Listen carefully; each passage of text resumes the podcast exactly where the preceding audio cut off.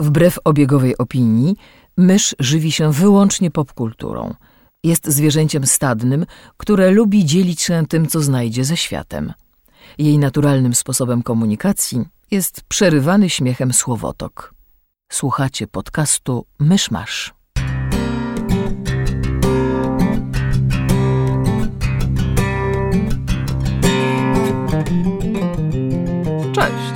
tu Rafał Patatyn. Co, zaskoczeni jesteście? Mamy 16 września, jest 36. rocznica nadania obywatelstwa USA Arnoldowi Schwarzeneggerowi. Let's get to it! Ze mną e, w studiu jest Mysza Hello! i Pan Poduszka. Strasznie niewyraźnie brzmisz, Panie Poduszko. Weź Rutino Skorbin. No, niewyraźny taki. A tutaj sposób, w jaki pozbyliśmy się Kamila i Krzyśka. Zostali ścięci. Nie, w każdym razie e, mieli lepsze rzeczy do roboty, więc e, zostaliśmy my dwoje. W przeciwieństwie do, do nas, prawdziwych no-life'ów. tak, no. E, my postanowiliśmy pogadać sobie dzisiaj o rzeczach, które ostatnio oglądaliśmy, tudzież czytaliśmy. Ja nic nie czytałem, e, poza Facebookiem. E, Myszu, ty co oglądałaś? Ja obejrzałam na przykład całe Carnival Row. Mhm. Chciałem to obejrzeć, ale nie mam Amazona, więc. O kurczę, dobrze się składa, możesz mi o tym opowiedzieć. Wow, way to put me on the spot here. No, z tego co ja widziałem, to Carnival Row ma w sobie chyba wróżki, bo widziałem tylko plakat, więc mogę na podstawie tego się wypowiedzieć i opowiedzieć, co na ten temat sądzę. Wiem, że jest tam Orlando Bloom, który zrobił na mnie ostatnio chyba kiepskie wrażenie podczas jakiegoś wywiadu z kimś. Chyba był jak u Falona, czy u jakiegoś innego nighttime yy, Talk- wy- talk show hosta. Wywiadowcy, tak? W każdym razie jakiś taki wydawał Był mi się... na wywiadówce i... Wydawał mi się jakiś strasznie drewniany. I czy w, czy w serialu też był taki drewniany? Nie, gdzie, gdzieś przeczytałem. On 20 lat temu wybrał sobie jedną minę i ją do tej pory utrzymuje. Możliwe, że napisała o tym zwierz? Tak, Kasia No, Czajka napisała tak. taki ten... No i muszę się z nią tutaj zgodzić. To znaczy... Ja się z tym nie zgadzam, dlatego że ja Mhm. jednak em, mimo wszystko, nie wiem, może jakoś za bardzo, y, że tak powiem, się wpatruję albo się doszukuję jakichś emocji, natomiast ja jakby Orlando Bluma lubię na, na ekranie. Ja mam wrażenie, że jemu zrobiono straszną krzywdę w tym sensie, że on, no bo on trafił na, do, do, na plan Władcy Pierścieni prosto ze szkoły, chyba tam teatralnej czy aktorskiej, czy e, gdzie, tam, gdzie tam chodził, żeby się uczyć swojego aktorskiego kunsztu. E, I użyłam słowa kunsztu z, w cudzysłowie, mimo wszystko, mimo tego, że, że go lubię. Em, I jakby mam wrażenie, że, że, że, że jemu to zrobiło mimo wszystko jakąś taką krzywdę, że ta, ta, ta popularność i jakby znaczenie, które Władca Pierścieni odegrał sprawiło, że, że on nigdy nie miał okazji pr- przejść jakby takiej aktorskiej szkoły życia, gdzie trzeba się bardzo starać i napracować i, i, i, i grać te wszystkie takie e, tak zwane bit parts, czyli wiesz, jakieś tam Mhm. mniejsze rulki, przy okazji pracować z, z bardziej znanymi aktorami, uczyć się od nich rzeczy, polec parę razy w swojej karierze, jakby nie miał tej takiej historii, zaczął jakby z grubej rury i potem były tam piraci i Mhm. nie wiem, nakręcił ten, um, ja zapomniałam jak się ten film nazywał z Ridleyem, e, z, chyba Ridleya Scotta, co Nie jestem Krzyśkiem, nie podpowiem ci. Y, No, no nieważne, część słuchaczy na pewno wie, to jest taki film o mężczyźnie, który wraca do domu, ponieważ zmarł jego tata i potem robi road trip z urną z jego prochami, prowadzony przez notatnik z fajnymi miejscami do odwiedzenia, który mu zrobiła dziewczyna, którą chyba gra, grała Kirsten Dunst, I wanna say. Okej. Mam na, na końcu języka mam tytuł tego filmu, teraz nie sprawdzę. No w, w każdym razie grał w, w, w też w Królestwie Niebios, nie, Królestwie Niebieskie, Niebiańskie, Kingdom of Heaven. Mhm, Atak na Jerozolimę, tak? Tak. Coś w tym stylu. Swoją drogą, to jest śmieszny film, dlatego że ja go widziałam w kinie i miałam takie na zasadzie, no, imponujące wizualnie, tak, e, historia taka sobie, aktorstwo takie sobie.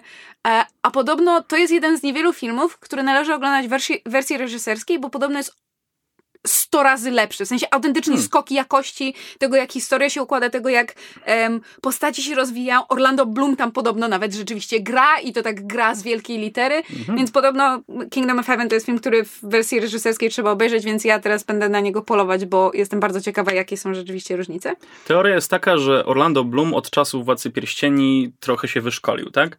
Mo- mam wrażenie, że jego skrzywdziły właśnie te takie seriale kinowe, jeśli można to powiedzieć. No właśnie w, w, Władca Pierścieni trzy filmy, później no może bardziej niedawno już był Hobbit, ale, ale też, też występował tam więcej niż jednej części. E, Poza tym Piraci z Karaibów też ta sama postać przez ileś filmów, więc jakby przez wiele lat pracy aktorskiej odgrywał przez bardzo długie okresy czasu. Okres czasu. No, dobrze powiedziałem. Okres czasu. Kontynuuj. Tak. E, e, przez długi okres czasu odgrywał tę samą postać, a inny aktor w jego wieku w tym czasie zagrałby o wiele więcej różnych pomniejszych ról, co by jakby lepiej by się wyekspił po prostu. Tak, plus mam wrażenie, że jakby Legolas, no to był ten właśnie jakby stoicki, spokojny elf, który no jakby ostatnio grając w Dedeki mieliśmy, mieliśmy tę rozmowę w pewnym momencie Krzysiek się zapytał na zasadzie o rany, m- moja postać ma w tym momencie chyba ponad 100 lat. Jak zagrać kogoś, kto ma ponad 100 lat? Jakby, g- jak masz w sobie odnaleźć to, to, Tą młodość. Najpierw, to, znaczy, właśnie nie, ten, ten bagaż doświadczeń, bagaż życia, bagaż lat, który, który jest z tym związany. Więc jakby z jednej strony masz Legolasa, który jest okej młodym elfem, ale jednak elfem masz te dodatkowe, te wszystkie jakby elementy, które są z tym związane. E, Pewno taki ten, ten trop, jak, jak, jak odegrać postać właśnie elfa. E, Potem masz Willa Turnera z, z Piratów z Karaibów, który jest jakby życiowo niedoświadczonym e, chłopakiem, który, któremu po prostu rzeczy się przydarzają i on się musi w tym jakoś odnaleźć i tam też nie ma zbyt wiele do, do odegrania. Jakby ja nigdy w tej roli nie widziałam zbyt wiele do odegrania. no, bo to jednak jest kino takie dla, nie chcę powiedzieć dla dzieci, ale... Nie, no to jest dla, tak, ale to jest takie typowe swashbuckling, czyli właśnie Mhm. kino takie jakby pirackie, które, które kiedyś miało jakby parę takich filmów, no już jakby pomijam w przeszłości, kiedy, prawda, był Errol Flynn, który huśtał się na linach i wywijał rapierem. Um, ale to nie jest bardzo może wymagające kino i jakoś potem też nie, jakoś mam wrażenie, że nie mógł się, nie mógł się odnaleźć. Natomiast wydaje mi się, że, że chyba też ze względu na to, że grywa w teatrze, mam wrażenie teraz więcej, trochę bardziej okrzepł i w Carnival Row jakby ja go w tej roli kupowałam. Właśnie, Carnival Row. Jesteśmy w tym bardzo dobrze. Tak. jak, jak słychać. Em, tak, znaczy, żeby było ciekawiej, oprócz Orlando Bluma w e, drugą główną rolę, w tym wypadku żeńską, gra Cara Delevingne. Mm, Możliwe, że nie słyszałem o niej. E, jeżeli widziałeś Suicide Squad, to ona grała tę tę czarodziejkę, z którą oni potem na końcu walczą. Spoilery. A, nie oglądałem. I gra w Valerian i tam, e, jak to się nazywa, Świat Tysiąca Planet, czy nie pamiętam jaki był tytuł filmu. Nie oglądałeś. Też nie oglądałem. Znaczy powiem tak, chyba widziałem fragmenty Suicide Squad i kawałek ostatniej właśnie walki dla samych efektów. Znaczy, tak... Ona jest, ona jest e, model turned actress, w sensie najpierw była modelką, Mhm. potem, potem została aktorką. E, I ona jest. To jest też specyficzny przypadek, dlatego że kiedy ja ją oglądam e, raz na jakiś czas, jak widzę jakieś wywiady z nią, kiedy jest właśnie w jakiś talk show czy coś takiego, ona jest strasznie jakby, to się nazywa animated, że ona ma bardzo ruchliwą twarz, mimikę, bardzo widać na jej twarzy wszystkie jakby emocje, które przeżywa, jest bardzo taka ekspresyjna Mhm. A potem ją wrzucają w takie role, gdzie ona nie ma kompletnie okazji tego odegrać. Wydawałoby się, że tutaj właśnie w Carnival Row jej, jej postać e, e, miałaby trochę więcej okazji właśnie do pokazania jakiegoś takiego szerszego wachlarza, ale nie wiem, czy to jest kwestia tego, że nie wiem, może Orlando Bloom i Cara Delevingne są takimi aktorami e, jakby niewielu środków, trochę jak, nie wiem, Keanu Reeves, z którego przecież też ludzie się przez lata śmiali, że jakby, Ej, nie śmiej się z Kiano, że... bo to nie wypada. Cio. E, wow. Wow. E, że, że to są jakby aktorzy, którzy potrzebują dobrego reżysera, żeby ich nakierował i jakby umiał te ich e, e, niewielkie środki wykorzystać. No w każdym razie jakby ja, ja ich w tych rolach kupiłam. E, Natomiast to o czym jest Carnival Row, bo tak mówimy już To od co, 15 naj, minut. najpierw bezspoilerowo mniej więcej? O, dobra, herbatka. A, niekulturalny ASMR. Tak, witajcie w ASMR Myszmasz. Tak, zamieszałbym herbatkę, ale Nie mam łyżki. torturowanie myszy. To znaczy, wolałabym nie, nie omawiać Carnival Row spoilerowo, Mhm. z tego względu, że wydaje mi się, że to jest właśnie serial, który fajnie jest em, obejrzeć na własną rękę i, i jakby odkryć, jak historia się rozwija, bo to nie jest serial, to jest serial, który zaczyna się inaczej niż się kończy. Jak Wiele, większość jak seriali. większość seriali. Ale o co mi chodzi? Jest jakiś serial, który za zaczyna się tak samo, jak się kończy? Doctor House. Teoretycznie. W sensie jakby postacie są tak zwane in stasis, czyli jakby postacie się nie zmieniają. Em, tutaj mimo wszystko postaci przechodzą na pewną przemianę i jakby bardzo się zmienia też to, o czym serial opowiada, na czym się skupia moim zdaniem. Em, przede wszystkim tak, serial ma tylko 8 odcinków, jest produkcji Amazon Prime, tak jak Rafał e, powiedział na początku, nie ma go na Netflixie, więc jakby trzeba, trzeba mieć Amazona żeby go obejrzeć. E, I znaczy w ogóle, jeżeli jeszcze do tej pory słuchając Myszmasza nie, nie wykupiliście sobie e, subskrypcji na Amazonie, to what are you doing here? Dlatego, że Ile kosztuje? E, nie pamiętam, Kamil płaci. ja, jestem, ja jestem po prostu, mam dostęp do jego, do, do jego konta. Nie jest to jakoś super drogo. Pewnie porównywalnie, Porównywalnie. do Netflixa. Tylko kurczę, no mam Netflixa, który był tą, tą, tym wielkim gralem wykup Netflixa, masz dostęp do wszystkiego. W tym momencie mamy, będzie Disney, mamy Amazona, będzie jeszcze HBO Go i zaraz HBO będzie Go. Apple TV. I, I w tym momencie, no to, Tak. co, równie dobrze mogę oglądać dalej z powrotem telewizję, bo jestem uzależniony od tego, co dana, dana, dany No. outlet po prostu wypuszcza. Tak. I czekamy teraz na kolejny na Netflix Prime, niech będzie, który zrzesza dostępy do wszystkiego. I chyba to będzie ten Apple. Nie wiem.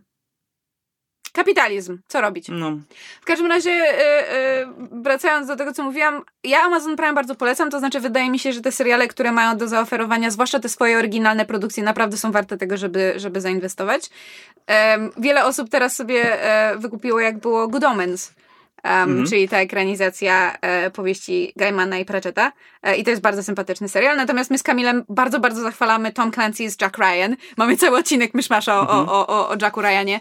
Em, e, i, I bardzo, bardzo zachwaliliśmy e, pierwszy sezon, zaraz będzie drugi, więc będziemy namiętnie oglądać. Bardzo liczę, że dorówna. E, I wydaje mi się, że Carnival Row jest kolejnym przykładem na to, że Amazon Prime potrafi kręcić, e, że tak powiem, oryginalne seriale i wie w co inwestować. Dlatego, że abstrahując od poziomu, nie wiem, scenariusza dialogów, bo tu zdania są rozbieżne, tak jak patrzyłam e, opinii w internecie, to na pewno jest to serial, który jest bardzo fajnie zrealizowany pod względem e, strony wizualnej, jakby oprawy artystycznej, designu, kostiumów, makijażu, efektów specjalnych, muzyki, jakby cały feel i look serialu jest super. E, Z jednej strony to wynika jakby z zainwestowanych pieniędzy, z drugiej strony mamy bardzo ładne widoczki, bo serial był kręcony w Pradze, więc po sąsiedzku, niedaleko, za, za granicą, tuż koło nas. Mie- mieszkam naprawdę. Chła, chła. E, a z drugiej strony wynika z e, tak zwanego world building, czyli światotworzenia, czy światotwórstwa, jakby tego nie nazwać. Bo tak jak e, mówiłeś, Czy wspomnieć, może mały plak zrobię? E, Możemy zrobić plag. Jeżeli interesuje Was zagadnienie światotwórstwa czy też światotworzenia, to bardzo zapraszamy na GonCon 5 października e, w Warszawie w studiu Tęcza. E, Będzie spotkanie, taki właśnie mini konwent jednodniowy z interne internetowymi twórcami wszelkiej maści. Będzie dużo znanych osób z YouTube'a i nie tylko. Będą dziewczyny z czytu czytu i będziemy my, czyli ekipa Podsłuchane. Kamil będzie brał udział w panelu dyskusyjnym na temat tego, za co lubimy podcasty, a my w tym czasie będziemy e, prowadzić e, warsztaty z zainteresowanymi właśnie a propos światotworzenia. Na przykładzie tego, co zrobiliśmy przy okazji Ghostpunka. E, To będą takie warsztaty dla wszystkich ludzi, którzy chcą w kreatywny sposób właśnie podejść do, do tworzenia świata, czy to na potrzeby, nie wiem, książki, czy podcastu, czy nie wiem, nakręcenia własnego serialu internetowego, możliwości, czy nawet na przykład rozegrania RPGa. Tak, bo bardzo przyjemnie gra się w świecie stworzonym właśnie przez własną wyobraźnię. Jeżeli możesz grać własną rasą, że taki, taką frajdę mam grając Blobosem, po prostu nie masz narzucone, o musisz być elfem, e, krasnoludem albo orkiem. Hor. I wymyślasz sobie własną rasę i nie ma, nie ma większej przyjemności. Ale wracając do serialu, który Tak, omawiamy. więc bardzo, bardzo zachęcamy. Y, Podejrzewam, że nie wiem, czy jeszcze są chyba bilety do kupienia na GonCon. Była rzucana druga transza, więc, Tak, chyba y, są. więc y, zachęcamy, żebyście się e, wokół tego zakręcili. Będzie można z nami pogadać chwilę, uścisnąć łapę, dostać przytula od myszy i w ogóle będzie A super. wieczorem są ciekawe bardzo koncerty. Dwa z nich mi się bardzo podobają. Tak. E, Nie wspomnę. Trzeci i czwarty w line-upie mi się bardzo podoba. Good job. Tak.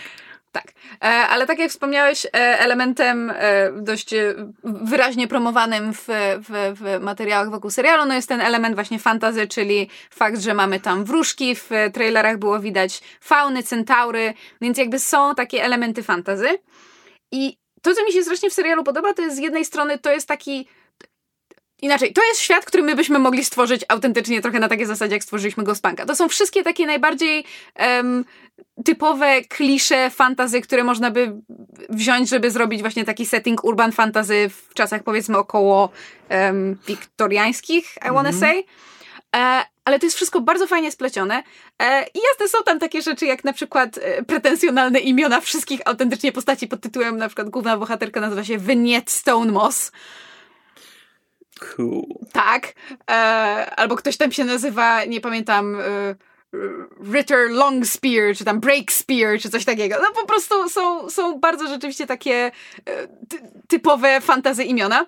E, I niektórym, niektórych to może bardzo, bardzo gryźć. E, dla mnie to było akurat jakby część tego właśnie Takie uroku. trochę baś, baśniowe, bajkowe. takie- no, takie mamy trochę na wróżki, zasadzie- no come on. Wiesz, urban fantasy dedeki. Nie, nie chcesz fauna, który nazywa się John. No właśnie, chcesz fauna, który się nazywa, nie wiem, Egbert Longhoof. Chociażby, tak. No totalnie, po prostu imię z dedeków, po prostu wpisujesz w, w ten, y, no, name, name, generator. generator, tak, i dostajesz imię pod tytułem nazywam się Śnieżek Meszek, bardzo mi miło, nie? Czy coś takiego. E, no i sama historia polega na tym, jak pokazywały trailery, że mamy w, w mieście, w którym to się dzieje, w The Burg, jak to się nazywa, dochodzi do morderstw. Na tle, jak się można, e, jak można wywnioskować, rasowym. Dlatego, że oczywiście w momencie, jeżeli mamy postacie takie bardziej fantazy typu wróżki, fauny i tak dalej i ludzi, no to na tym tle są jakieś konflikty rasowe. To jest wpisane w szerszy kontekst wojny pomiędzy właśnie krainą ludzi, a krainą e, wróżek, która została, czy, czy w ogóle tych fantastycznych istot, która została na, najechana. I ponieważ oni są w środku tego konfliktu, y, też jakby napadani przez, przez jeszcze trzecią stronę tego konfliktu, w związku z tym bardzo dużo jest uchodźców z krainy wróżek, y, to znaczy z krainy tych, tych em, fantastycznych istot, fej, e, które przyjeżdżają do, do, do Burga i, i tam jakby muszą się odnaleźć. Część jest e, jakby zaprzęgnięta do, do, do pracy w zamian za, znaczy w sensie, żeby odpłacić się za to, że zostali przewiezieni okrętem do Burga, gdzie mogą rozpocząć życie, no to muszą pracować, żeby od, odpłacić swój em, przejazd. Em, i na tym tle jest bardzo, bardzo dużo konfliktów rzeczywiście rozrysowane, ale to, na czym nominalnie się serial na początku skupia, to jest śledztwo dotyczące morderstw, do których dochodzi w mieście, e, które e, próbuje rozwiązać e, Philo, właśnie bohater grany przez Orlando Bluma, który jest inspektorem w, w policji. W przeciwieństwie do innych policjantów, których spotykamy, jest dość jakby przychylnie nastawiony do, do właśnie mieszkańców Fejburga i jakby próbuje ich chronić na tyle, ile może i jest bardziej, że tak powiem, no, traktuje ich sprawiedliwie w przeciwieństwie do, do innych e, policjantów. Jest bardziej woke. Tak, jest jak najbardziej woke. E, E, Czy to jest typowo ludzkie miasto, w którym fej są tylko jakby imigrantami, czy, czy jest to jakby em, Londyn bardziej? Znaczy, to, to, to jest jakby wyraźnie ten, ta, ta kraina ludzi, to jest moj, moim zdaniem Anglia i jakby to miasto to jest Londyn i jakby Tirnanok, czyli ta kraina, z której pochodzą Fej, to jest taka, powiedziałabym, Irlandia, Szkocja i takie tam tereny. Okej. No To, to, to nie jest subtelne, umówmy się. Em, natomiast to jest miasto ludzi, w którym e, jest em, właśnie Carnival Row, czyli ta taka e, dzielnica, w której, w której te, te fej się głównie, e, że tak powiem, chciałam powiedzieć gnieżdżą, to by było nacechowane pejoratywnie określenie, e, w której mieszkają, w której pracują i która jakby jest tą taką, em, wiesz... em, Gettem. no trochę tak, trochę gettem. Em, w związku z tym e, mamy właśnie te konflikty zarysowane poprzez e, nawet też takie tło, to znaczy widzimy jak, jak e, ludzie traktują te fej, krzyczą za nimi na ulicy, jakby obrzucają e, właśnie, że tak powiem, rasowymi epitetami. Mamy też część fabuły nam się rozgrywa na scenie politycznej, to znaczy właśnie mamy dwa, e, dwa przeciwne Jezu, Jezu, zapomniałam. Ja tak bardzo nie umiem w politykę. Fakcje. Fakcje w, w ich nim Senacie, Sejmie, Izbie Lordów, whatever, em, które się właśnie spierają na temat tego, czy należałoby tych wszystkich cholernych, brudnych fej migrantów wyrzucić i w ogóle oni się panoszą i czego oni sobie, e, jakim prawem oni chcą mieć prawa i tak dalej. Zabierają pracę. nam. Dokładnie, zabierają pracę ludziom, tak, i, i pracują za dar, prawie za darmo, pracują za mniejsze pieniądze, jak my mamy zarabiać, i jak my mamy żyć, a oni są w ogóle jeszcze brudni, śmierdzą i tak dalej. E, więc mamy ten, ten właśnie konflikt jakby na scenie politycznej. Są fe. Well done. E, mamy to em, śledztwo kryminalne i mamy element em, love story między naszą dwójką głównych bohaterów, czyli właśnie Philo i Vignette, graną przez Cara Delevingne, bo oni em, w czasach, kiedy jeszcze była wojna właśnie w Tirnanok, w tej krainie Fey, oni się tam poznali, oczywiście byli po przeciwnych stronach konfliktu, ale musieli być e, niechętnymi sprzymierzeńcami przeciwko tej trzeciej sile, która się nazywa The Pact. Pact. Um, Czym się cechuje pakt? Co, co, co, co to są za Em, istoty? jeżeli dobrze zrozumiałam, tutaj serial był trochę niejasny, to są. To jest po prostu jakby trzecia siła tego, znaczy trzecia strona tego, te, te, te, tego konfliktu i oni są źli dlatego, że, że są źli i że wykorzystują jakby jakieś takie zakazane praktyki, żeby chyba tworzyć mutanty ludzko-fej and that's bad. Znaczy, autentycznie to jest na zasadzie, to, to są te złe orki, bo orki są złe. To jest trochę na takiej zasadzie. Ale, Ale- to nie są orki, to są nominalnie ludzie, tylko... Ludzie tylko tacy, którzy wykorzystują brudną magię. Magię czy Tam nie bardzo eksperymenty? jest, znaczy tam jest, tam są elementy magii, ale to jest bardziej na zasadzie, że oni są, oni em, wiesz, trochę na, na zasadzie polityki spalonej ziemi, że oni, oni po prostu tak bardzo chcą to Tirnanok opanować, że oni są, oni są gotowi wybić wszystko i wszystkich i zero honoru, zero litości, Okej. zero czegokolwiek. No, Jakby o, o pakt jest tylko właśnie wspominany trochę na zasadzie, jak za przeproszeniem Mordor na zasadzie. właśnie chciałem nawiązać. You know it's a bad place, wiesz, że tam są źli ludzie i jakby na razie w to nie wnikaliśmy e, za bardzo. No i jakby w trakcie właśnie tego, tego konfliktu Winiet i Philo jakby się poznali, poznali się bliżej, Mhm. em, po czym on, ona myślała, że on zginął w tej, w tej wojnie. E, No i kiedy ona przyjeżdża do, do Burga parę lat później, jest oczywiście cała nieszczęśliwa i w żałobie, po czym się okazuje, że Philo żyje, że on jakby ją zostawił bez słowa i, i, i kazał jej, kazał jakby jej powiedzieć, że, że, że zmarł. Nie wiemy dlaczego. No i jest tam, jest tam policjantem. W związku z tym oni się znowu spotykają, no i oczywiście jest, jest konflikt pod tytułem jak mogłeś mnie zostawić, ja za tobą rozpaczałam. E, on próbuje się tłumaczyć, ona nie chce tego słuchać. I te wszystkie trzy, trzy wątki rozgrywają się właśnie cały czas na tym jakby konflikcie społeczno-rasowym. Tam mamy jeszcze taki poboczny wątek em, bogatej, bogatego rodzeństwa, które, do którego dzielnicy wprowadza się faun. Bardzo bogaty, majętny faun, co się rzadko spotyka, no bo fej w tym, w tym świecie jakby e, nie mają łatwo i, i, i raczej są z niższych warstw społeczeństwa. Ale serial nam mówi, że jakby Berg to nie jest jedyne miejsce na świecie, jakby ta mapa jest większa, ale Mhm. w większości to są białe plamy. Wiemy o jakby paru tam miastach, o których autentycznie wiemy może ze trzy zdania, ale jakby wychodzi na to, że w tamtych miastach Fej są w trochę innej sytuacji, być może są w stanie wywalczyć sobie większe prawa, właśnie zrobić karierę, zarobić i tak dalej. Więc tu mamy taki bardzo prywatny konflikt, trochę na zasadzie, że wiesz, że, że jak się wprowadza właśnie jakiś bogaty, nie wiem, e, e, imigrant, czy jakaś mniejszość do, do dzielnicy, no to jakby kwestia tego, czy ją e, zaakceptować, czy e, ostracyzować i, i, i, i tego typu konflikty. Ja początkowo po trailerach myślałam, że serial się będzie skupiał na tym aspekcie śledztwa kryminalnego, no bo jakby trailery wskazywały właśnie takie, no, urban fantasy Mhm. pod tytułem giną, giną Faye, em, kto się zabija, trzeba wyjaśnić, będziemy, będziemy próbowali się dowiedzieć kto i dlaczego. Kojarzy mi się z Bright. E, kind of, ale Mhm. Bright jest fatalne w przeciwieństwie. No, słyszałem. No, mm, Okej, zależy z kim rozmawiasz. Em, mnie się Carnival Row bardzo podobało, z każdym odcinkiem coraz bardziej. Ja nie twierdzę, że to jest perfekcyjny serial. Jakby rzeczywiście dialogi momentami są bardzo, wiesz, od sztancy typowe. Em, fakt, że właśnie dwie główne role grają aktorzy, którzy nie są znani z tego, że są bardzo e, ekspresyjni w swoich rolach, też niekoniecznie pomaga. E, za to jakby obsada drugoplanowa jest fenomenalna, w sensie jakby tam wydaje mi się, że wiesz, rzucisz kamieniem i trafisz w kogoś, kto fantastycznie gra i, i super się wciela w swoją postać. Em, więc jakby i to tak, ja przewidziałam każdy możliwy twist w tym serialu.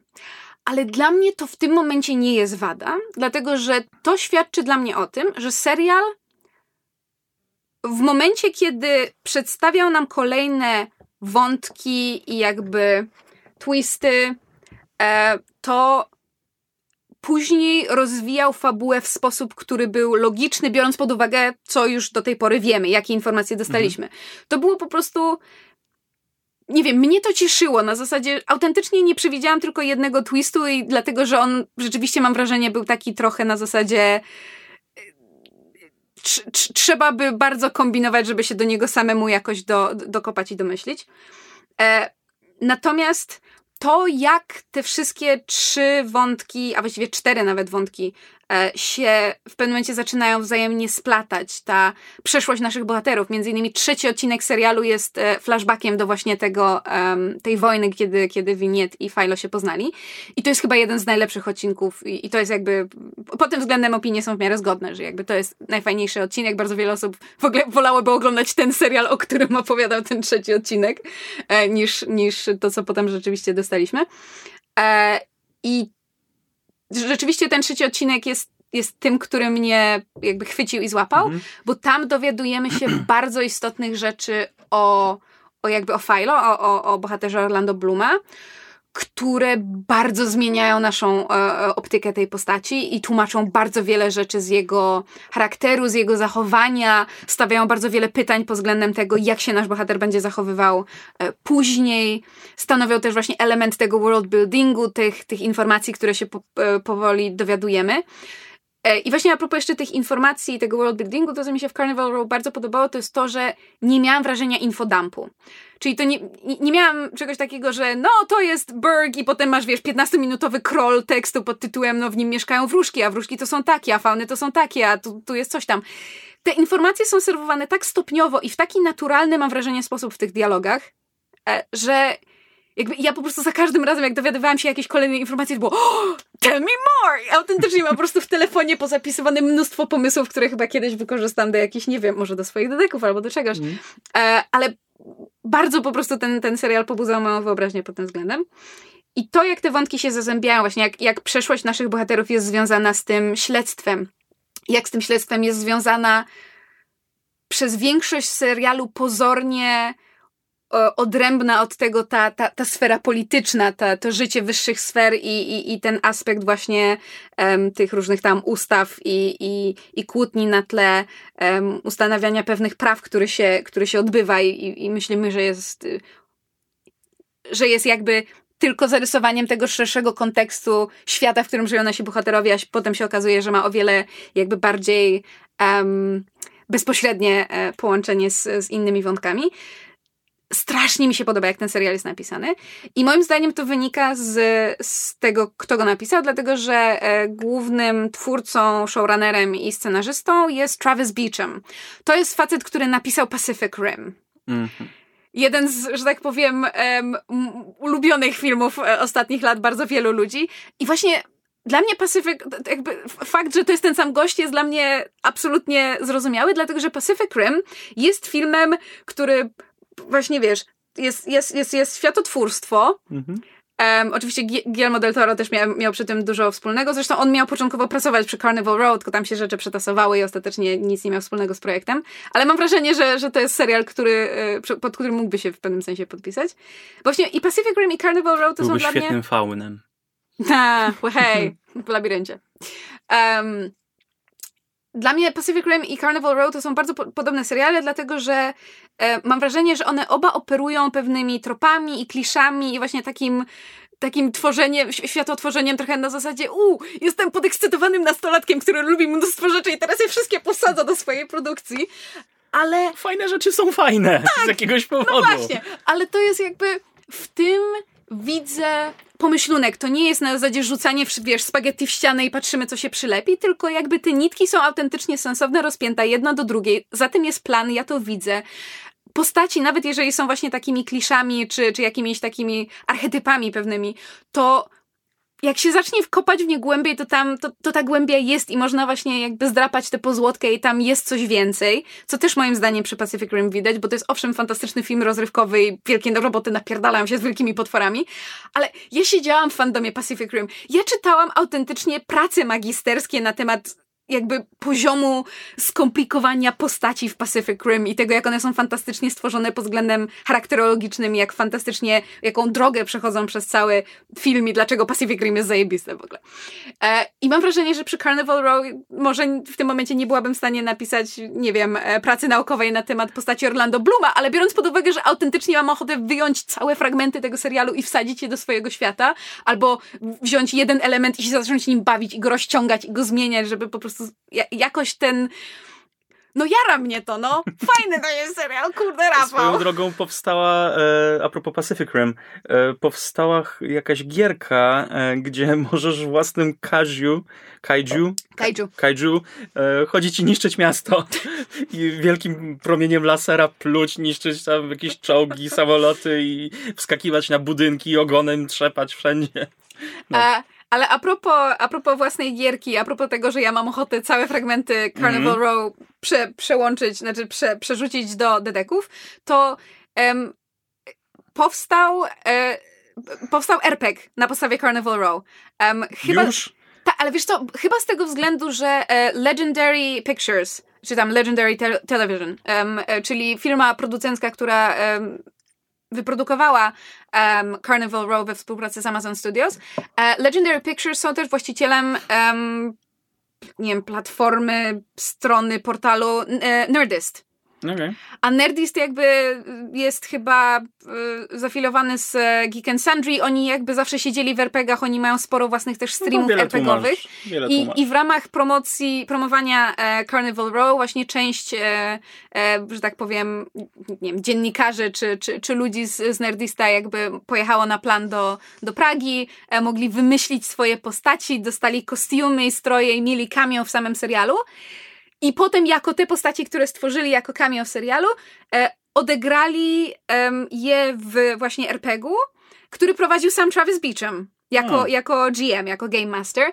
Em, I na stronie Nerdista można ten, ten, ten stream obejrzeć. On tam trwa, no, tam parę godzin, ale jeżeli oglądacie sesję na, albo słuchacie sesji na podsłuchu, to co to tam dla was? Ciekawe, co było pierwsze, czy serial, czy pomysł na RPG, i który, który zmieniono w, w ten, w serial. Znaczy, wydaje mi się, że najpierw był mimo wszystko e, pomysł nawet nie na serial, chyba początkowo to był e, jakby zarys scenariusza na film wiele, wiele lat temu.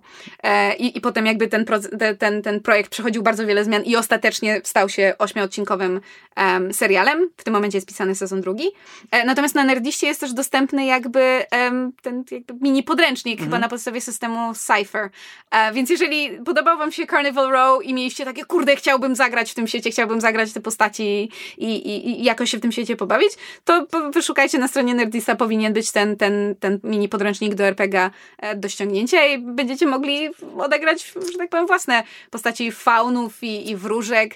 Naprawdę, tam I ludzi. I ludzi oczywiście, ale tam jeszcze a propos magii, tam, tam kurczę, tam jest tyle rzeczy tylko zarysowanych. Jakby, ja nie wiem, czy oni wiedzieli od razu, że dostaną drugi sezon. Wydaje mi się, że tak, bo mam wrażenie, że Amazon Studios ma troszeczkę inny model em, jakby wykupywania seriali, e, ale tam jest tyle rzeczy tylko zarysowanych i jest jeszcze tyle możliwości i to się tak fajnie wszystko zazębia i autentycznie ten serial na końcu, moim zdaniem, zupełnie zmienia środek ciężkości w bardzo dobry sposób. W sensie ja w tym momencie autentycznie jestem bardzo, bardzo ciekawa, jak oni to dalej rozwiną, bo bardzo wiele właśnie z tych elementów e, konfliktu rasowego i klasowego, który jest jakby spleciony jeden z drugim e, i, i tego jakby jakie decyzje dalej podejmą nasi, nasi bohaterowie, e, jak zareagują na to, co się dzieje, to może pójść w tyle różnych kierunków i jest tak fajnie moim zdaniem napisane.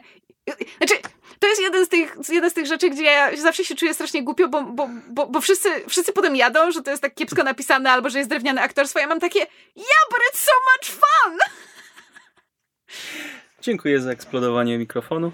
Nie ma e, No, po, po, pewnie podobnie jak z Lucyferem masz. Nie, nie, nie. E, chciałabym zauważyć, że ja może, może kiedyś wrócę do napisania tej 18-stronicowej notki na temat tego, mm. dlaczego Lucyfer jest fenomenalnym serialem. Ale wiesz co? Trochę tak. To znaczy, ludzie się śmieją, że Lucyfer to jest ten taki głupi procedural o, o diable, który pomaga policji roz, rozwiązywać zagadki ten procedural znika po, po pewnym czasie, bo ale... oglądałem trochę go. No, Trochę go widzisz. oglądałem, bo, bo moja druga połówka oglądała, ale to także w, przerwie między partyjkami w Lola oglądałem jednym okiem e, tego Lucyfera i wydawało mi się to strasznie takie dajmy przystojnego kolesia z eyelinerem, let them geek out. I tyle. No, nie, nie ma w tym nic złego. Weźmy elementy Supernaturala, gdzie mamy Boga, anioły i całą dramę między nimi. E, I na pewno będziemy mieli wierny fandom. Ale właśnie o to chodzi, że jakby Lucyfer się zaczyna jako ten taki e, procedural, a potem się okazuje, że to jest tak naprawdę najmniej istotny element. Mhm. O wiele bardziej istotne są właśnie te elementy bosko-niebiańskie, cały ten konflikt rodzinny, który w Lucyferze jest i przede wszystkim jakby główny bohater i jego zmagania z własną z własnym przeznaczeniem, z własną istotą tego, kim jest albo czym być powinien i tak dalej. I w Carnival Row jest dokładnie to samo. I ja mam wrażenie po prostu, że ja im jestem starsza, tym bardziej um, jakby, chciałam powiedzieć I gravitate, że, że ciągnie mnie do postaci, czy, czy w ogóle do produkcji, w których właśnie mam, mamy te postacie, gdzie one na pierwszy rzut oka są jakimś archetypem, ale jakby jak zaczniesz skrobać i wnikać głębiej, to jakby, nie wiem, czuję z nimi jakąś więź, jakoś tak nie wiem, no kurde, ale wydaje mi się, że, że, że porównanie do Lucyfera jest trafne. To znaczy, że to jest, ja, na pierwszy rzut oka to jest ten taki głupiutki serialik o czymś tam i nie jest jak, żadną wybitną produkcją, ale im dłużej go oglądasz, tym bardziej widzisz, że twórcy chyba jednak wiedzą, co robią. I w sumie ja mam bardzo, że tak powiem, um, pozytywne wrażenia po, po Carnival Row po pierwsze, a po drugie duże nadzieje związane z sezonem drugim. Jakby bardzo, bardzo jestem e, ciekawa, mm -hmm. gdzie to się dalej e, potoczy. Pomyśl o tym Amazonie, może, może też... Możemy ci dać swoje hasło! Nie mów tego na antenie. Przepraszam. E, dobrze, bo ja już mam wrażenie, że mówię sama od pół godziny, w związku z tym e, cicho. Wcale nie patrzyliśmy na, na zegarek. Wcale, wcale nie mówię sama, cicho bądź. Dokładnie. E, ale e, dosyć już o mnie porozmawiałem, o mnie, co myślisz o mnie? A tak serio? Zróbmy cięcie. Hej! Hey! E, Kamil będzie wiedział, jak to zrobić cięcie w montażu. Mm -hmm. e, ale w takim razie powiedz mi, co ty ostatnio e, mówiłeś, że nie czytałeś, ale co, co, nie wiem, co widziałeś. Chciałam zapytać, co grałeś, ale wy macie od tego oddzielny podcast, więc w ogóle nie. E, co e, oglądałeś? Znaczy, jak opowiadałaś mi o kwestiach rasistowskich i starć międzyrasowych, to chciałem wspomnieć o Wiedźminie, w którego kolejny raz gram. Mm. Wiem, powinienem grać w coś nowszego, żeby mieć o czym mówić o nowościach w gorących krzesłach, który niebawem wraca. E, ale, ale po prostu mnie pociągnęło do Wiedźmina. Tym bardziej, że, że Kinga lubi sobie pooglądać, jak gram w Wiedźmina. Plus zaraz będzie serial, więc jakby. Znaczy, autentycznie wszyscy dookoła mnie teraz sobie robią powtórki z Wiedźmina. Autentycznie wszyscy. Mm -hmm. Albo czytają, albo słuchają w, w audiobooku. Tak. Ja właśnie też muszę sobie włączyć słuchowisko. Jeżeli, znaczy na pewno już wcześniej je polecam, ale e, jeżeli em, nie wiem, nie, nie, nie wysłuchaliście mnie wtedy, nie posłuchaliście mnie wtedy, słuchajcie myszy, mysza, prawdę wam powiem. E, jeżeli nie mieliście jeszcze okazji, em, wydaje mi się, że gdzieś jeszcze da się je dostać. Nie wiem, czy legalnie, ale hopefully. W każdym razie, jeżeli będziecie byli, będziecie w stanie się dostać do słuchowiska e, Wiedźmina, znaczy Wiedźmina zreali- zrealizowanego w formie słuchowiska zrobionego przez firmę Fonopolis, która niestety splajtowała, co oznacza, że nie dostaniemy czwartego i piątego tomu w te, tej postaci, a szkoda, bo był fenomenalny. Jest właśnie Wiedźmin nagrany w formie słuchowiska, jakby z pełnym udźwiękowieniem, z efektami, z fenomenalną obsadą głosową. To znaczy, ja słuchając tego słuchowiska odkrywałam sagę na nowo w momencie, kiedy ja ją czytam praktycznie co, co roku albo co dwa lata od momentu, kiedy skończyłam chyba 11 czy 11 lat, 9 lat, 9 jak miałam opowiadanie, 11 jak przeczytałam sagę. Więc Trochę wcześnie, jak na takie tematy. Mm, I to nie jest jedyna rzecz, którą, że tak powiem, wchłonęłam troszkę za wcześnie. No ale nieważne, To wiele tłumaczy. prawda? E, natomiast e, słuchając tego e, słuchowiska, jakby odkrywałam sagę na, na nowo, bo jakby sposób, w który pewne kwestie zostały odegrane, jakby to, jak aktorzy je zinterpretowali, nadawało temu po prostu zupełnie nowego życia. To jest naprawdę fenomenalnie, e, fe- fenomenalna jakby forma e, zetknięcia się z Wiedźminem, nieważne czy po raz kolejny, czy po raz pierwszy. E, jeżeli będziecie mieli problem ze znalezieniem, e, zagadajcie do mnie na social media, because I have my ways. E, Ja chętnie od ciebie to wezmę. tak. E, e, więc jakby w tym momencie wszyscy sobie robią powtórkę, no bo oczywiście cały polski fandom będzie Tak. po, porównywał Wiedźmina Netflixa wyobrażasz sobie do... wszystkich w blokach startowych, po prostu tylko czekają, aż pierwszy odcinek, coś mi się nie spodoba. A właśnie, I'm there! a wiesz co ja Get postanowiłam? to the Wiesz co? Kurczę, doszłam chyba właśnie do wniosku, że tak jak w sumie jesień to jest idealny moment, żeby po prostu zrobić sobie powtórkę z Wiedźmina, bo każda pora jest dobra, Mhm. żeby zrobić sobie powtórkę, powtórkę z Wiedźmina, ale jesień zwłaszcza. Kurczę, ja chyba specjalnie nie powtórzę, bo ja bym chciała mimo wszystko podejść do tego Mhm. serialu, znaczy bo ja to mówiłam Mieć, w mieć Myszmaszu. bardziej podatny grunt na wizję twórcy serialu, tak? Bo ja to mówiłam chyba w Myszmaszu, że ja, ja jestem, no, tym czym dla innych ludzi jest Harry Potter i Tolkien, tym dla mnie jest Wiedźmin. Ja się na nim wychowałam, to jest moje fantasy, that's the Mhm. only thing I've ever known and I love it to bits. Przepraszam, angielski. Ale liczę na to, że mimo tej mojej ogromnej miłości do Sapkowskiego e, jako autora Wiedźmina, a nie jako człowieka, em, że będę w stanie podejść do serialu Netflixa jakby z otwartym umysłem, z otwartym sercem, bo ja jestem autentycznie ciekawa wizji twórców. Ja chcę zobaczyć, jak inni ludzie spoza naszego kręgu kulturow- kulturowego, dla których Wiedźmin nie jest sensem istnienia, tak jak dla mnie albo dla, dla niektórych innych polskich fanów. Chciałabym zobaczyć, jak oni to zinterpretują we współczesnych czasach, a nie wtedy, kiedy jakby Wiedźmin był, był wychodził, czy, czy był wielkim halo. I naprawdę chciałabym do tego podejść otwarcie i właśnie wydaje mi się, że jakby nie powtarzanie sobie Wiedźmina, żeby nie mieć tych wszystkich najmniejszych szczególików w głowie, może być sensowne. Mm, Jak najbardziej. Możesz ewentualnie spróbować sobie pograć w grę po serialu. Znaczy, ja grałam w pierwszego Wiedźmina. To jest bardzo duża różnica. Ja wiem, ale problem jest taki, że ja od drugiego Wiedźmina się po prostu dramatycznie odbiłam. Bo drugi Wiedźmin był... Ma chujową słaby. mechanikę. Tak. A Znaczy gameplay trze- w sensie. trzeci, trzeci Wiedźmin Ja jest wiem. po prostu cudownie Ja przyjemny. wiem. Ja wiem, Owszem, ale ja w porównaniu z y, Asasynem obecnym z Odyssey i ten sterowanie jest ciężkie, jeżeli twój Wiedźmin utknie między barierką a kamieniem i nie potrafi między, między, z tego, między nich wyjść i... jestem... Tak, bo- tak, wiem. bo- Pło- Płotka na dachu stodoły, wiem. No tak, no bo jednak w Asasynie idziesz sobie przed siebie, trzymasz tego Xa i on przechodzi po Mhm. przeszkodach. A tutaj, owszem, jest możliwość przeskoczenia przez płotek, ale to jest takie niepłynne i tak niewygodne, także wiesz, no, no, ma, jest różnica, czuć nie? wiek tej gry. Ta gra już Jasne. ma parę lat, ale nadal jest cudowna. No i bądźmy szczerzy, nie, nie, nie dla sterowania postacią się w to gra, tylko dla dialogów, historii i siekania potworów. Więc e, miałem opowiedzieć o serialu. Słuchajcie, najwyraźniej mniej Rafała nie wolno wpuścić do studia, dlatego że zamiast e, mówić o rzeczach, to robimy dygresję. Hej, dygresje są fajne. To są rzeczy, które naprawdę nas interesują i o których chcemy pogadać. Tak. E, oglądałem na przestrzeni ostatnich paru miesięcy dwa seriale. E, jeden To opowiedz o trzecim. Ehehe. Eee, e, trzeci, okej. em, Rick and Morty. Nie. Parę odcinków. Em, ale to tylko w przerwie. E, oglądałem dwa seriale. E, jeden, który mnie bardzo wciągnął i który pokochałem z całego serca. E, jest to e, Peaky Blinders. Dla tych, którzy nie rozumieją po irlandzku, Peaky Blinders. E, to nie jest irlandzki. Jak nie? Isn't it Irish? Bir- Birmingham. A, fuck me. Jak widać, mysz nie oglądała serialu, ale gra tam Killian Murphy, w związku z tym automatycznie założyłam, że jest irlandzki. E, tak, ale poza tym, że tam są cudowne akcenty, ja uwielbiam słuchać te, te, takich, wiesz, rynsztokowo, cygańsko, bry, brytolsko. Gra tam Tom Hardy, Wiem. który gra przywódcę londyńskich Żydów.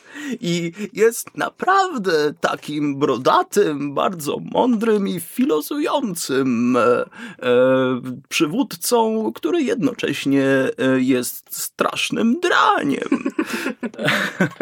e, ogólnie That's a pretty good Tom Hardy impression. co nie? Pracowałem na mnie. Znaczy nie, nie pracowałem. Po prostu uwielbiam.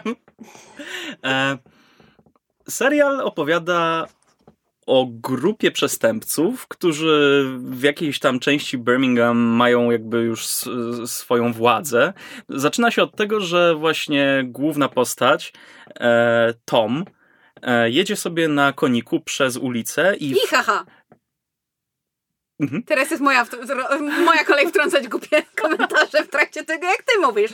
E, tylko ja robię to zabawnie. Uuu, no Kamil, nowy mikrofon. Em, jedzie sobie na koniku przez ulicę, wszyscy mu schodzą z drogi, wszyscy uciekają, o, bo to, bo to ten, pan Thomas, Mr. Thomas. Ja, kurde, jak oni mieli... Na... Daj, kocham ten serial, nie pamiętam nazwiska głównej postaci. nie szkodzi. E, Ewentualnie jak ci łatwiej mów po aktorach. nie, nie znam aktorów, co ty. E, Shelby. Tak, to są państw, e, to jest rodzina Shelby, e, którzy mają e, swój jakby bookies, e, bookmacherski e, nielegalny biznes i bardzo kombinują jakby tutaj wejść wyżej w szczeblu przestępczym. Hmm, skąd my to znamy? No nie wiem. Hashtag, Coastpunk. ha, hashtag sesji na podsłuchu. Em, no i właśnie kombinują na różne sposoby, tam mają swoje puby, ich jakby, dlatego nazywają się Peaky Blinders, bo Nie, nie, źle to wymówiłeś. Dlatego nazywają się Peaky Blinders, There it is. e, ponieważ e, jeżeli ktoś im zajdzie za skórę i chcą kogoś, nie wiem, albo zabić, albo właśnie, nie wiem, ktoś wyprosił... To spuszczają mu klapki na oczy. Nie, gorzej. E, noszą kaszkiety z No. takim właśnie krótkim daszkiem i na to nachodzącą tą, tą górą. No tak, jak wygląda kaszkiet. Tak. I między daszkiem a, a górą jest żyletka. I tą żyletką oślepiają ludzi. Po prostu przecinają żyletką oczy swoim wrogom. A, ale co, wyciągają tę żyletkę stamtąd i wtedy przecinają, czy walą z dynki? Ra, znaczy, a, Żyletka w daszku powinna być. znaczy nie, ona jest na daszku, ale jakby tam przymocowana, także raz e, w niektórych scenach ją wyciągali, a czasem po prostu brali czapkę i, cza, i czapką jakby tym daszkiem e, przecinali głowę, ten twarz, albo po prostu machali tą, tą czapką i, i kaleczyli przeciwników żyletką, która tam jest. W każdym razie stąd się nazywają blinders. Jest. E, no i ogólnie każdy kolejny sezon to jakby poszerza się ich świat, tak? No Jasne. bo kolejne intrygi, kole, kolejne jakby przeszkody pokonane, później wchodzą na rynek e, jakby handlu trochę narkotykami, alkoholem. To są czasy prohibicji w Stanach, więc jakby tu wykombinować zezwolenie od pana Churchilla na, na eksport rumu czy, czy ginu do, do Stanów Zjednoczonych. Także to wszystko cały czas rośnie i od takiego półcygańskiego chłopaka, który zajął się właśnie gangsterką, główna postać przez kolejne sezony rośnie i na salonach już, bo już e, I czekaj, i tę główną postać gra Killian Murphy, tak? tak. Okej. On jest, jak, on jest młodszym jakby Shelby, ale tym z głową. Aha, a, a kto gra starszego? E, jest jeden młodszy i jeden starszy. E, Paul Anderson e, gra, e, gra A, starszego no to kojarzę. i to on ma najcudowniejszy akcent właśnie. Mm, dobrze, dobrze, czekaj, bo tutaj się już gorąco zaczyna robić. Tak, bo no, jeżeli kogoś właśnie wykańczają, jeżeli kogoś wykańczają, to właśnie mówią, że to na rozkaz Peaky Blinders. By the order of Peaky Blinders. Żeby nadać kontekst, Rafał od trzech miesięcy chodzi i mówi to zdanie niezależnie od tego, czy pasuje do sytuacji. Oj tam, oj tam. Niech Kamil się wypowie. Byłem z nim weekend na Mazurach. Ile razy to padło. Ale to po prostu tak cudownie brzmi. Tak cud... Mouth feel ma, ma co dobrze to czu, czuć na języku. Wydaje mi się, że internet jest dość zgodny pod względem tego, że Peaky Blinders to jest tak jakby Sons of Anarchy i Boardwalk Empire miały dziecko. Mhm. No tak, no mamy główną postać, która jakby chce wydostać się z tego nielegalnego biznesu. E, bardzo jakby kombinuje, jak wykorzystać swoich przeciwników, zrobić z nich przyjaciół, żeby pomogli przy pokonaniu innych nieprzyjaciół. Gra go bardzo charyzmatyczny, przystojny aktor. Oh yeah. Jest tam Tommy Flanagan. Jest. Chip, Chips. Chips I Sonsów. on tutaj gra ojca e, tych młodych Shelby. Shelbych. E, tylko, że jest po prostu kolesiem, który ich porzucił i, i zniknął What a sobie. bastard. Tak. Jest bardzo negatywną postacią, jeśli, jeśli mam się tutaj wypowiedzieć. No, co mi się bardzo nie podobało, bo byłem taki zadowolony, jak, jak, się, jak się pojawił w tym serialu, ale no niestety. E, chyba w moje urodziny, w moje urodziny wyszedł e, pier, pierwszy odcinek piątego sezonu, Mm. ale czekam sobie, aż, aż wszystkie, wszystkie sezony, tak, lu- będzie- lubię binge To jest ostatni? Nie nie? mam pojęcia. To może mi się pomyliło. Mm. Ty będziesz to oglądała? Na pewno. Okej, to nie będę nic spoilował. Nie. tak, więc y, no, bardzo się zajrałem tym serialem, mimo właśnie tych, mnu- tego mnóstwa podobieństw z Synami Anarchii. Ale, No ale Synowie Anarchii byli genialnym... ale jakby dla mnie to, że coś jest podobne, nie jest wadą. Tym bardziej, jeżeli jest podobne do czegoś, co było zajebiste. Znaczy, ja to mówię, było zajebiste, wiecie poprawkę na to, że jakby ja utknęłam na e, trzecim, nie, na początku czwartego sezonu Sons of Anarchy, ale jakby to, to nie jest wada serialu, to jest po prostu kwestia tego, że prawdopodobnie coś mnie rozkojarzyło i potem zbyt dużo czasu minęło, odkąd oglądałam serial i stwierdziłam, że nie mogę wrócić i muszę obejrzeć od początku i, i utknęłam. Ale pamiętam, że strasznie przeżywałam Sons of Anarchy i gdzieś na Facebooku są jeszcze moje stare posty z tego Mhm. okresu. E, bardzo fajną rolę i bardzo fajnie przy tym nawija. E, jeden aktor, czekaj, on grał w Jurassic Park główną rolę. Chris Pratt? Nie. Sam Neill? Sam Neill, tak. On tam gra irlandzkiego inspektora. E, To jest, cieka- co jest ciekawe, bo on jest nowozelandczykiem, No, z tego ale pamiętam. Strasznie na siłę mam wrażenie jest ten jego akcent irlandzki zrobiony, bo to jest ten taki człowiek do zadań specjalnych, którego Churchill wysyła, wysłał najpierw do Irlandii, żeby uporał się właśnie z, buntem Irlandczyków i z IRA. I w tym momencie go właśnie cofa do Birmingham, bo ma się uporać tam właśnie z, z problemami w tym mieście. I fajnie to brzmi, jak on właśnie ten irlandzki akcent udaje, ale ogólnie cała postać takiego, wiesz, zgodne, wszystko zgodnie z przepisami, ale też jednocześnie zrobię wszystko, zdradzę każdego, żeby osiągnąć swój cel. Hmm. Potem za to płaci. No ale to łatwo się domyśleć. Tak Hmm. Drugim serialem, który oglądałem, ale to już tak właśnie mniej więcej tak jak, e, tak jak Lucyfera oglądałem, jest e, Frontier. Ja widzę, to, że ty miałeś, e, że tak powiem, e, e, brutalne, e, mokre i szare ostatnie kilka miesięcy, biorąc pod uwagę, że oglądałeś Peaky Blinders, a potem Frontier. Bo jakby w mojej głowie to są oba seriale, które są w takich bardzo Mrocznych barwach. mrocznych, szarych, przydymionych, brudnych barwach. Masz rację, ale czekaj, czy poza tym oglądałem coś, coś yy, fluffy, różowego i ciekawego? My Little Pony Friendship is Magic? Ty się śmiejesz, Nie. a mój Twitter feed jest, jest po prostu autentycznie wkurzony, bo podobno był teraz finał e, chyba kolejnego sezonu My Little Pony Friendship is Magic i podobno zrobili jakiś taki myk, który totalnie rozwala jakby wszystko, co do tej pory zrobili. Nie- wiem, czy dobrze zrozumiałam, ale ktoś chyba jakby zasugerowali, że, że ku- kucyponyki umierają. W sensie, że jak Mm. ze starości, jakby Jesus. Ja jestem bardzo ciekawa, co się dzieje, bo ja tylko widziałam pierwszy sezon My Little Pony, ale po prostu cały mój Twitter jest na zasadzie, o mój Boże, zabiliście kucyki. Ja mam takie, co się tam dzieje? To jest wesoły, kolorowy serial dla dzieci. Właśnie podobno najeżony bardzo dużą ilością dwuznaczności i yy, czyli nie do końca dla dzieci. Może zorientowali się, że nie, jednak nie dzieci oglądają w większości ten serial i Nie tylko dzieci. Że, powiedziałem, że nie w większości dzieci, że w większości nie dzieci. No tak, ale w sensie to sugeruje, że dzieci jest mniej niż dorosłych. Ja bym się z tym nie do końca zgodziła. W sensie wydaje mi się, że może być porówno. Gdybałem. E, W każdym razie, e, Wracając do, do Jasona Momoi. Momoe. Jason Momoa. Oj. Jezus Maria, jaki drewniak. Ej! No sorry, ale kurde, potrzebujemy wielkiego, brodatego i e, włochatego kolesia, e, żeby siał pośrach. Nazwijmy go e, Harp Declan i wszyscy się go będą bali. E, mówię, nie oglądałem tego, wiesz, Uważnie. uważnie bardzo, ale z tego, z tego co widziałem, no po prostu mam. Wszystko się dzieje jakby w świeżo, w miarę skolonizowanej Ameryce Północnej. Jest to raczej bliżej Kanady, mam wrażenie. No i wszystko kręci się wokół handlu futrami. I są wielkie e, firmy, jakby przysłane e, z. Kuśnierskie to by było? Kuśnierze się zajmują futrami potem. Chyba tak. Prawda? Fur industry. Furry. Nie, nie, the furry industry to jest zupełnie co innego. Inna gałąź przemysłu. Jeszcze jej nie było Mam nadzieję, że to czasach. niczego we mnie nie obudzi.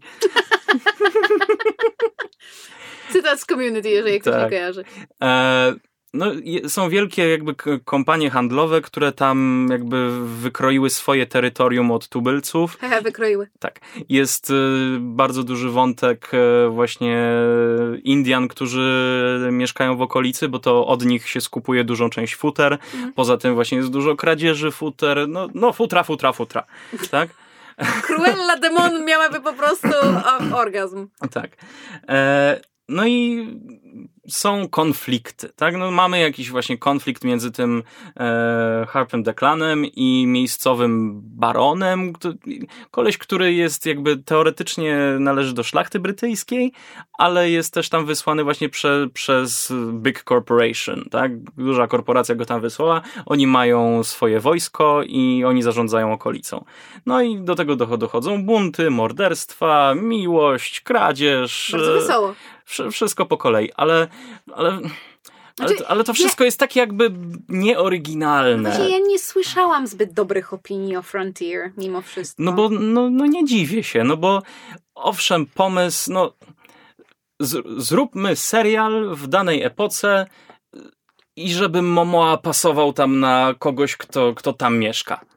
Bo on, on jest chyba w połowie Indianinem, w połowie, nie wiem kto, kim byli jego rodzice, ale na pewno właśnie on, on był wychowywany przez barona, jako właśnie mm, chyba in, Indianin, który, który był wychowywany przez tego barona, któremu, właśnie z którym później ma tą całą kosę. Mhm. No i potem wszyscy się go boją. Są y, wezwani łowcy nagród, bo muszą harpa Deklana e, Widzę, że, dorwać. że bardzo się przysrałeś do tego imienia. No tak, no bo potrzebowali twardego imienia dla, dla twardego Momoły, bo musimy zrobić serial z Ej, się bo jest nazywać, popularny. Mógł się nazywać Stone McRoxen. Tak by się nazywał w Carnival Na Row. przykład, no. Ale wszyscy się go boją. On idzie sam z wielką kością udową czegoś, bo on tym walczy, bo ma dużą kość z kulką na końcu. E, ma... So you're saying he has a big bone. Yep. E, I on bardzo dobrze rzuca tomahawkiem i rzuca nożami. Jest geniuszem w rzucaniu. Nie to, że ma za przeciwników ma 20 jakby redcoats, czer, czer, czerwone płaszcze z muszkietami wymierzonymi w niego. Ale spoko, załatwił On, on, on spoko idzie sobie i e, robi przemówienie. Znacie mnie, jestem Harp Declan. się nad nim znęcasz, o Chryste. Jeżeli cenicie swoje życie, to y, y, macie uciekać, bo to ja. E. No i co? I wyrzucił 20 na intimidation i co mu zrobisz? I jeden, jeden z nich uciekł, No mówię, jeden z nich uciekł, którego przywódca tych wszystkich złych tam zastrzelił, oczywiście. a potem, y, no to tam była jakaś kwestia y, zakładnika i, i tak dalej. No i potem on jeden z supportem dwóch kolesi pokonuje cały garnizon czy po, posterunek redcoatów. A podobno dwa odcinki wcześniej była podobna walka. No mówię, nie oglądałem wszystkiego, ale, ale to, co widziałem, mnie naprawdę nie zachęciło. Są, owszem, są ciekawe, barwne postacie, które niektóre są, wiesz, ta drugoplanowa obsada jest, jest fajna, ale to, to wszystko, nie ma tam nic naprawdę oryginalnego, czego bym nie widział gdzie indziej. Po prostu Momoa jest popularny, dajmy mu serial. Znaczy- I on, on łatwo bardzo, on, on gra tą samą postać tylko w innym języku. To jest Kal Drogo, tylko, tylko jakby wiesz, be, bez, bez swojego kalasaru i, Bez dosraki. i, i, i, i mówi przepraszam. On mówi bardzo biegle w języku właśnie tubylców. Czekaj, jak, jak to był język... Nie pamiętam, nie przypomnę sobie, No, ale właśnie po Indianie... Mieszkańców tamtego Tak. regionu, konkretnego plemienia. Bardzo zabawnie ten język brzmi. Może dlatego, że nie słyszałem go, go nigdzie używanego, ale gdybym, gdybym chciał w zmyślonym języku gadać, to, to mniej więcej tak, tak by, by to pewnie brzmiało. I think e, ch- chyba powinniśmy zmienić temat because we're bordering on racism w tym momencie. Czemu? No po prostu obcy język, którego nigdy wcześniej nie słyszałem, zabawnie dla mnie brzmi. No, what's racist about? Co, co w tym jest rasistowskiego? Dobrze. Ale czyli mówisz, że nie warto. Nie warto. Jeżeli lu, lubicie Momoe i wam się podoba jego harczący głos, to proszę bardzo. Uprzedzam, w, dwa, w dwóch czy trzech sezonach tylko raz bez koszuli występuje, jak go torturują. Więc y, nawet dla, sam, dla samego oglądania... Klata ma mały. Nie. Nie, to wystarczy Nawet dla... sa- Tak. Google Search Images O, wystarczy. tak, obejrzyjcie sobie y, grę, o Tron, jeżeli chcecie Momoe bez koszuli oglądać. A tutaj, tutaj on po prostu przez większość czasu nosi na sobie wielgachne futro. bo tak, Mm, futro. bo futro. Dobrze. Futra, futra, futra. Ale to muszę powiedzieć, że ciekawy nam odcinek wyszedł, bo wszystkie trzy seriale, o których rozmawiamy, właśnie mają, teraz sobie zdałam sprawę, bardzo podobną taką właśnie szaro-buro, że tak powiem, brudną paletę kolorystyczną. No jesienny odcinek czysto, no mamy wrzesień. Tak jest. U, ale czy to znaczy, że skoro jest jesień i, i wróciliśmy do nagrywania myszmasza po wakacyjnie, to będziemy mogli zrobić odcinek halloweenowy i na przykład pogadać o jakichś horrorach? No Okej, mogę, mogę obejrzeć jakieś horrory. Nie Właśnie- lubię ich, ale właśnie- spoko. Trzeba by przekonać Kamila i Krzyśka, bo Kamil to jeszcze, ale Krzysiek chyba nie jest bardzo horrorowy. Ja też jestem zupełnie niehorrorowy, Znaczy- ponieważ jak byłem mały, to moi rodzice lubili oglądać horrory. Z tobą. Znaczy, ja gdzieś tam się napatoczyłem zawsze. Oni oglądali, ja miałem być w pokoju, ale wiesz, wszedłem do pokoju, miałem być w swoim pokoju, e, wchodzę, a tam jakaś laleczka czaki. Dziękuję, pięć lat problemy z zasypianiem. No. Nie no, spoko, ja do dzisiaj się boję wody, dlatego że szczęki. Mm. I to nie wody na zasadzie ocean, bo to to tak, w basenie. Wiesz co, kiedyś na wakacjach e, znajomi mojej siostry przy ognisku ogląda, opowiadali sobie straszne historie Przepraszam. i sobie przypomniałem, i dopiero po paru, niedawno w miarę sobie z, się zorientowałem, że ktoś chyba opowiedział temu dziecku historię właśnie It, U, bo e, ktoś opowiadał o klaunie, który w kanalizacji występuje, więc ja tego wieczoru poszedłem, usiadłem sobie na toalecie i bałem się z, z my, wiesz, umywalki, bo, bo stamtąd zaraz wyskoczy klaun i mnie, i mnie porwie. Znaczy, Tak. ja, ja mam bardzo ciężką relację z e, ho- horrorami w tym sensie, że ja przez wiele, wiele lat za bardzo się ich bałam, żeby je oglądać. A potem z kolei pracowałam w wypożyczalni wideo i wymyśliłam sposób, jak się oswoić, no bo wiesz, ludzie mi zadawali pytania na zasadzie, proszę polecić jakiś dobry horror, a ja robiłam eee. I wymyśliłam, że zacznę oglądać horrory w środku dnia, będąc w miejscu pracy, gdzie się kręcą ludzie, bo czuję się wtedy No jakby... tak, bezpiecznie. Tak, bezpiecznie. Więc zaczęłam oglądać horrory i nauczyłam się je doceniać. Mniej więcej w tym samym czasie zaczęło też lecieć American Horror Story, pierwszy, pierwszy sezon. A To oglądałem kilka sezonów. Tak, i, ale to było stopniowe, bo też. Czekaj, nie, bo najpierw musiał być Supernatural, które Mhm. umówmy się, miało, miało straszne odcinki, zwłaszcza na początku w pierwszym sezonie, na Miało. przykład Bloody Mary było, było straszne. Um, I więc za, zaczynałam od Supernatural, które mnie troszeczkę jakby, że tak powiem, wy, wy, wytresowało, żebym sobie radziła ze strasznymi treściami. W robocie oglądałam filmy właśnie ten, a potem się zaczęło American Horror Story, które jakby bardzo mnie zaintrygowało pod względem jakby fabuły i tego, o czym miało opowiadać i oglądałam po prostu z duszą na ramieniu i byłam przerażona z każdym odcinkiem. I jakoś tak nauczyłam się troszeczkę ten, to się nazywa desensitized, Mhm. um, znieczulić i nauczyłam się bardzo doceniać horrory jako właśnie ten jakby jako te, ten bezpieczny sposób radzenia sobie z naszymi lękami. Ja mam wrażenie, że o tym wspominałam przy okazji e, omawiania Midsommar, że tam wspominałam jakby o swoim stosunku do, do horrorów. E, a przede wszystkim moim ulubionym podgatunkiem horrorów są tak zwane meta-horrory, to znaczy rzeczy typu Cabin in the Woods, e, seria Krzyk Wesa Cravena, jakby Mhm. horrory, które są niejako o horrorach, i rozprawiają się z wieloma Mhm. tropami. Bardzo tego typu filmy lubię i kurczę, muszę namówić chłopaków, żebyśmy coś pooglądali, jakieś horrory. No chętnie was też odwiedzę na Halloween. No. Będę was straszył tutaj z, za drzwi. Zamkniemy cię w drugim studiu i będziesz wyskakiwał. I będę drapał w drzwi łańcuch, łańcuchami. In! No dobrze, pogadaliśmy sobie, było miło. Tak, wypiliśmy herbatkę. Dziękujemy Wam bardzo za uwagę. Jeżeli Wam się podobał ten e, e, odcinek e, myszowo-rafałowy, to e, e, macie pecha, dlatego że w następnym odcinku Krzysiek i Kamil wracają, buchu. Chyba, że rzeczywiście e, zetniemy im głowy. Chła, chła, chła. Mamy tu gilotynę. Dziękujemy Wam bardzo za uwagę. Jak zwykle czekamy na Wasze komentarze, pytania, sugestie, maile i całą resztę e, kontaktu z Waszej strony. Możecie nam, e, e, możecie się z nami kontaktować przez wszelkiego rodzaju social media, czy to Twittera, czy to e, Facebooka. Możecie zostawić komentarz pod tym e, odcinkiem na YouTubie. Możecie nam wysłać maila na wszystkie możliwe maile, które znajdziecie na podsłuchane.pl. Tam są, że tak powiem, możliwości kontaktu z nami. E, możecie też nas wszystkich stalkować na, osobiście na naszych social media, tylko błagam delikatnie, bo ja się boję. Jeżeli podobało wam się e, słuchanie też mnie, no to mniej więcej możecie znaleźć w sesjach na podsłuchu. Tak. I teraz ostatnio założyłeś Twittera. Rafał jest na O Twitterze. Boże, mam, mam całych trzech followersów. Z czego jednym Wow. jestem ja. Tak, e, więc e, ten, idźcie, idźcie stalkować Rafała na Twitterze, na pewno będzie bardzo zadowolony. E, I to tyle. Do usłyszenia w następnym odcinku. Cześć! Cześć.